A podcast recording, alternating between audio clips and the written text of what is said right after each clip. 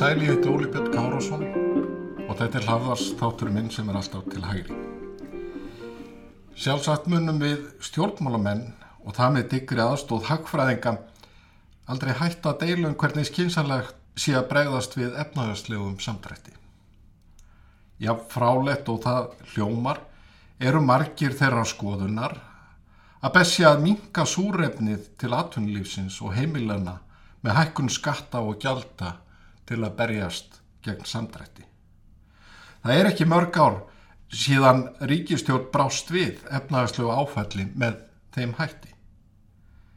En jáfnvel einfaldur lærdómur vefst fyrir mörgum, ekki síst þeim sem telja ríkið upphaf og endi alls, hérna eiginlegu uppsprettu verðmæta. Ég hef ítrekka haldið því fram að það vittlausasta sem hægt væri að gera í efnahagslegum þrengingum vegna koronu veru faraldursins sé að freysta þess að auka tekjuríkisins með þingri álugum á fyrirtæki og eða heimili. Í þeim leik ætla ég aldrei að taka þátt. Eins og ég tók og hef tekið fram meðal annars í grein sem ég skrifaði í morgumblæðið í ágúst á liðinu ári. Þar sem ég sagði meðal annars En að opna fyrir súrefniskrana, skatta og gjalda er ekki aðeins skinsamleg leið, heldur arðbær fjárfesting til framtíðar fyrir ríkisjóð og almenning.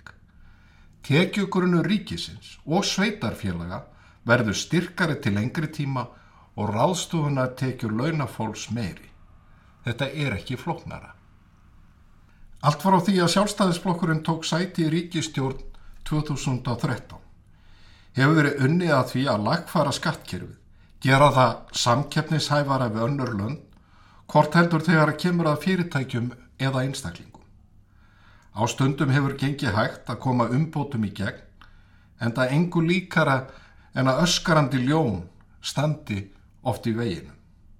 En það hefur, sem betur fyrr, miðað í rétta átt. Þegar staðið er frammi fyrir miklum samdrætti, Það sem verðmæti þjóðarfarmleysluna dregst verulega saman, reynir á ríkistjórn, stjórnarþingmenn og stjórnaranstöðu.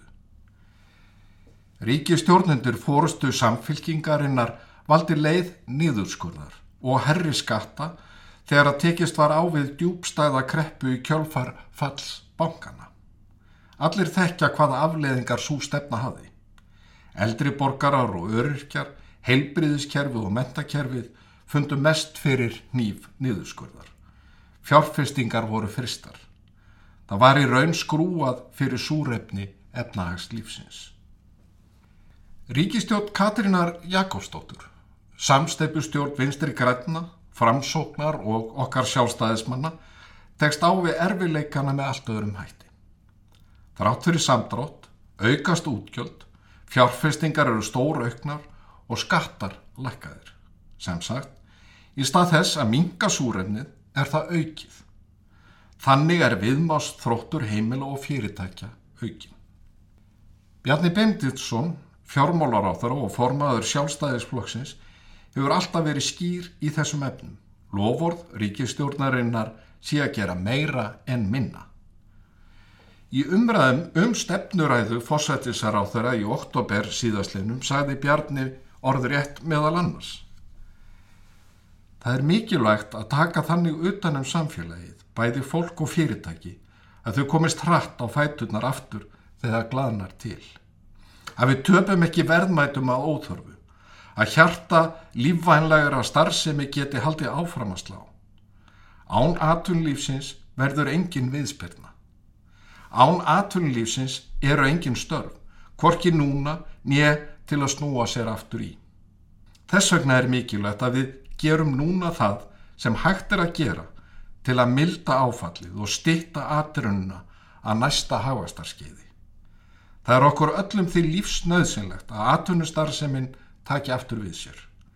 Þessi gera lítið úr vanda aðtunlýfsins eða telja ránt af stjórnvöldum að standa með fyrirtækjum skilja einfallega ekki þetta mikilvæga samband millir þess að sköpu séu verðmæti í engageranum og lífskjara okkar allra.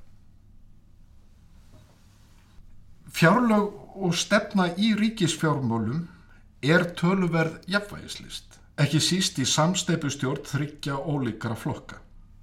Og auðvitað er margt sem ég myndi vilja hafa með öðrum hætti en stjórnarflokkarnir hafa komið sér samanum. Ekki síst þegar kemur að tekja öfluna kerfi ríkisins og skipulagi ríkisrekstrar.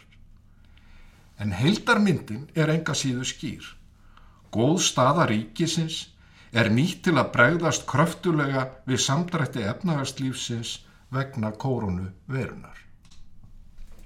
Ríkistjórnin er með öðrum orðum að beita ríkis fjármálunum og auðvelda heimilum og fyrirtækjum að veita viðspyrnu og erfiðum tímum og gera þeim kleft að grípa tækjafærin til uppbyggingar í framtíðinni. Sundruð stjórnaraðanstaðan leggur lítið annað til en uppáðsmarkað lofórða. Það sem líkilorðin eru aukin útgjöld, herri skattar og fjölgun ofinbera starfa. En þegar að kemur að umbótum í skatta og gjaldakerfi ríkisins reyndist árið 2020 nokkuð gott. Samleiða umfánsmiklum aðgerðum til að steyðja beint við atunlífið og heimilinn voru tekin mikilvæg skref til að auka samkennishæfni landsins til frambúðar. Og við getum tekið nokkur dæmi þó að okkur sem eh, erum ekki þólumóðir, finnir stundum hægt, ganga að leta skattbyrði launafólks og fyrirtækja. En það er varna baráttan oft erfið. En ríkistjórnin hefur þrátt fyrir allt fyllt þeirri skýrri stefnu að auka ráðstöfuna tekjur almennings, ekki síst þeirra sem lægst hafa launin og styrkja um leið samkjöfnustöðu atunlífsins. Vegna breyting á lögum um tekjuskatt sem Bjarni Benditsson beitti sér fyrir sem fjármálar á þeirra, lækkaði tekjuskattur einstaklinga á árunum 2014 til 18 um 25 miljardar á árs grundölli með tilherandi hækkun ráðstöfuna tekna heimiluna. Enn róttakari kerfisbreytingar í tíð sitjandi ríkistjórnar hafa tryggt frekari lækkun með innleðingu nýs lærra skattreips. Fyrra skrefið var tekið í byrjun síðasta árs og það síðara í byrjun þessa. Með breytingunum verður tekjuskattur einstaklinga um 21 miljardi krónar larri á ári en að ábreyttum reglum. Þessi lækkun kemur fyrst og síðast þeim til hagspóta sem er í lækstu tekjuhópunum en fólk með meðaltekjur nýtur einni góðs af. Líkt og ég þreytist ekki á að taka fram hef ég aldrei verið hrifin af markþrepa tekjuskattskerfi. Miklu físilegra er að hafa eitt skattrepp með breytilugum persónaafslætti sem lækkar eftir því sem tekjur hækka. En í ljósi þess að skattkerfis breytingarnar tryggður lækkun tekjuskatts stutti ég þær hilsugur. Og þriðja árið í rauð hefur tryggingagjaldið lækkað og verður 6,10% á þessu ári. Þar með hefur gjaldið lækkað um 0,75% stig á kjörtímabilinu og um 1,59% frá því að sjálfstæðisflokkurinn tók sæti í ríkistjón og Bjarni Bendisson settist í stól fjármálar á þeirra árið 2013. Þetta er leiðilega 20% lækkun á gjaldi sem leggst á launakreðslur fyrirtækja og er sérstaklega íþingjandi fyrir lítil fyrirtæki og fyrirtæki í vexti. Lækkun tryggingagjalds á nýju ári nefnur um fjórum miljörðum króna sem koma til viðbótar fyrir lækkunum á kjörtjumabilinu upp á 8 miljardar. Lækkunin er því yfir 12 miljardar. Og ekki má gleyma endugreðslu hlutfalli virðisaukaskats vegna vinnu og byggingastað við nýbyggingu, viðhald og endurbætur íbúðarhúsnaði var hækkað úr 60 í 100%.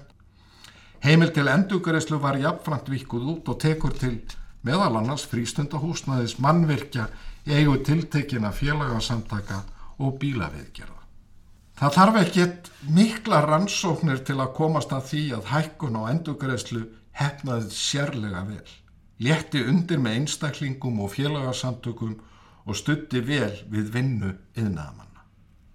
Endugreðslan hefur verið framleitt út þetta ár og reikna með að alls verði um 9 miljardar króna endugreittir vegna þessa.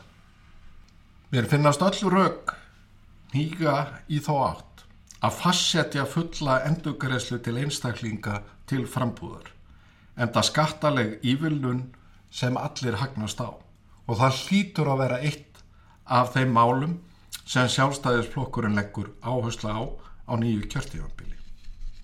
Og ekki má gleyma því sem gert hefur verið þegar að kemur að nýsköpun og þróun. Í fjárlögum fyrir síðast ár var gert ráð fyrir því að endugreðslur til fyrirtækja vegna rannsóknar og þróunar yrðu leiðilega 3,9 miljardar. En aukinn kraftur í nýsköpun og lagabreitingar hafa hins vegar leitti þess að endugreðslurnar verða umfángsmeiri eða líklegast 5,2 miljardar. Og þessu ári er reikna með að endugreðslurnar getur numið alltaf 10,2 miljardar. Í raun er endugreðsla vegna rannsóknar og þróunar fjárfesting í framtíðinni, fjárfesting í nýjum tækjufærum og nýjum störfum, þar sem lagður er grunnur að fjölbreyttara aðtunlífi. Stefna stjórnvalda undir fórustu Þórtísar Kolbruna Reykjör Gilvardóttur nýsköpunar á þeirra er að styðja við nýsköpun á markaðslegum forsendum, ekki aðeins með endugreðslum heldur einni hækkun á framlögum til tæknið þróunarsjóðs og stopnunar kríu.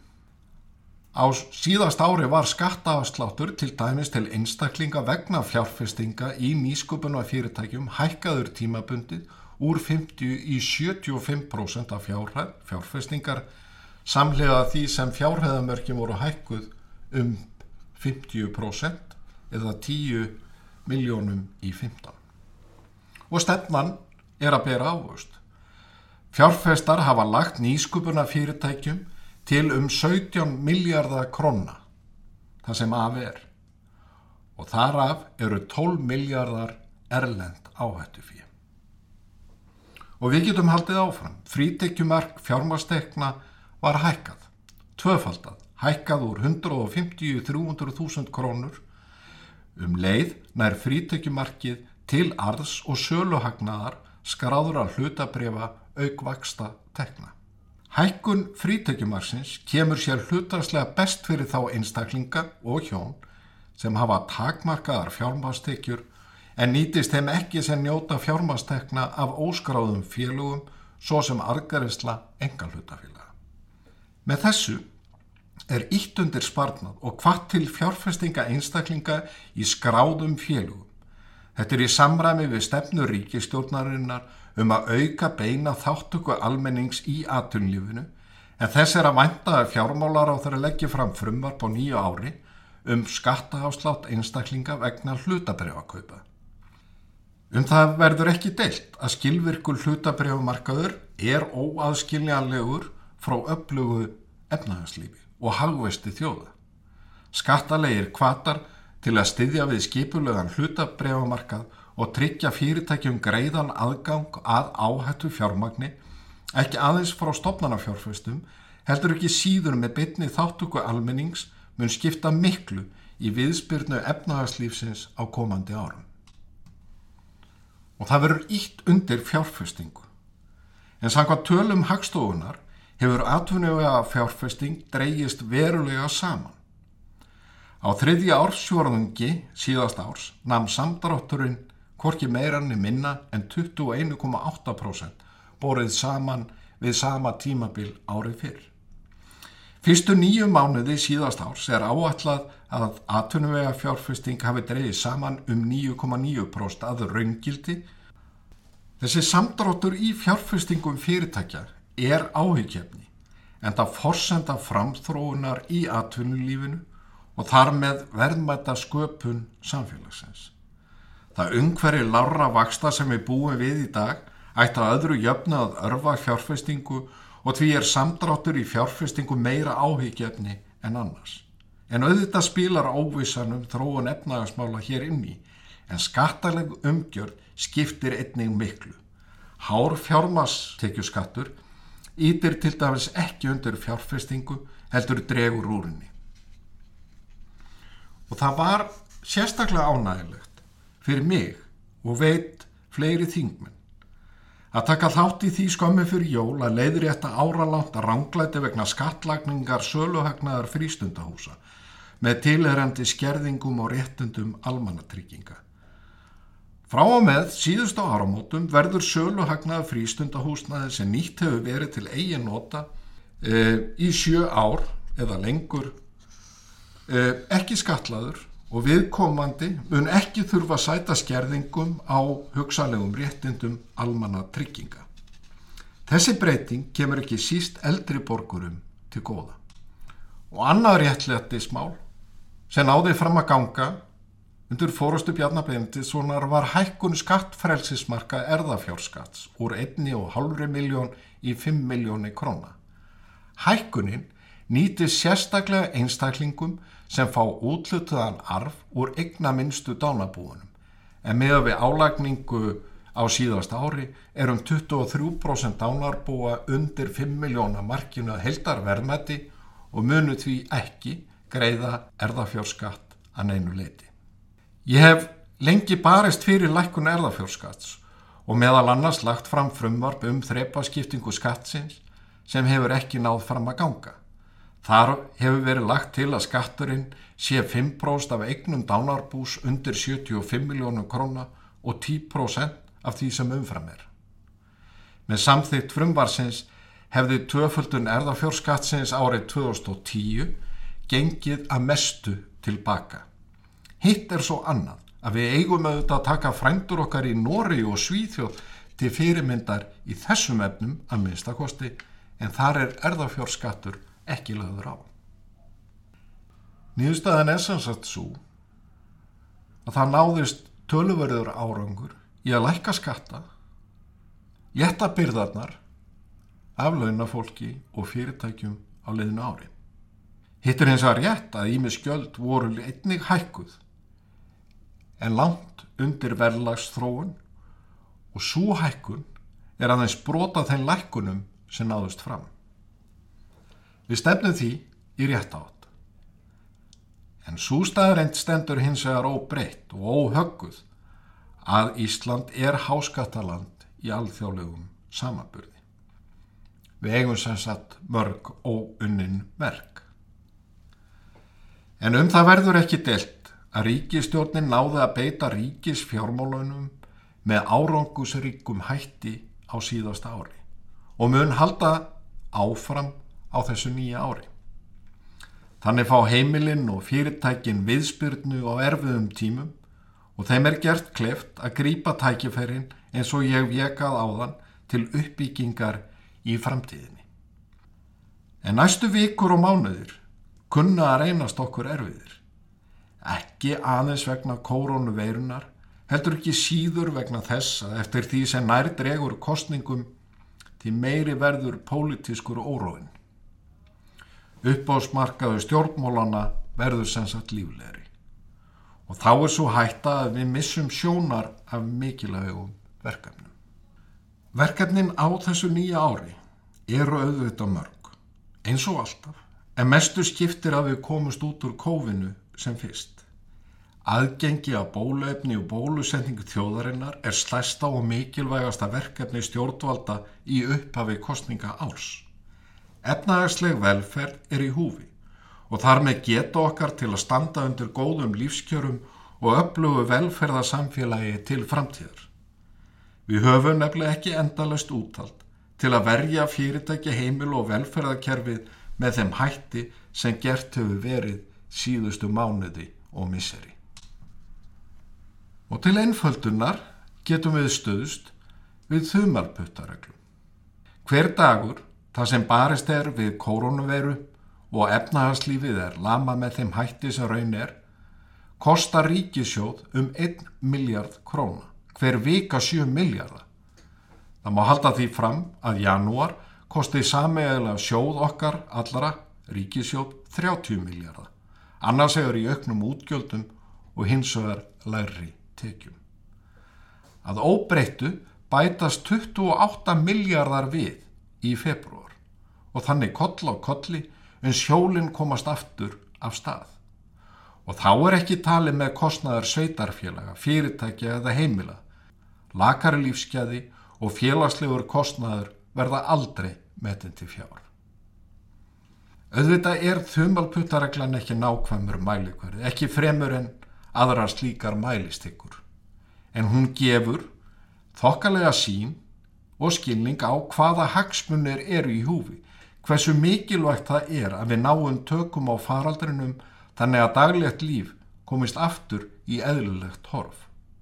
Og þar skiptir bóluefnið líklegast mestu. Þegar hort er á hagsmunina sem er í húfi, þann gríðalega kostnað sem hver dagur hefur í för með sér, er það reynd aukatrið hvað skamtur af bóluefni kostar. Þetta er sannsagt verkefni til skamstíma en til lengdar skiptir mestu að tryggja samkennishefni aðtunlífsins og þar skiptir skattbyrði miklu en ekki síður hvaða og hvernig skattar eru lagðir á. Eintegund skattheimtu kann að verða skinsamleg á meðan önnur drefur allt í dróma. Það skal til dæmis viðukent að ég hef vaksandi evasendur um álækningu kólefnisgjalds með þeim hætti sem gert hefur verið. Vísbendingar eru um að kólefnisgjaldið undir hatti græna skatta skili að minnstakosti ekki þeim árangri í lofslagsmálum sem stjórnvöld stefna að. En árið 2021 er kostninga ár og í september leggja kjósendur línunar. Í einfalleika sínum er valið nokkuð skýrt.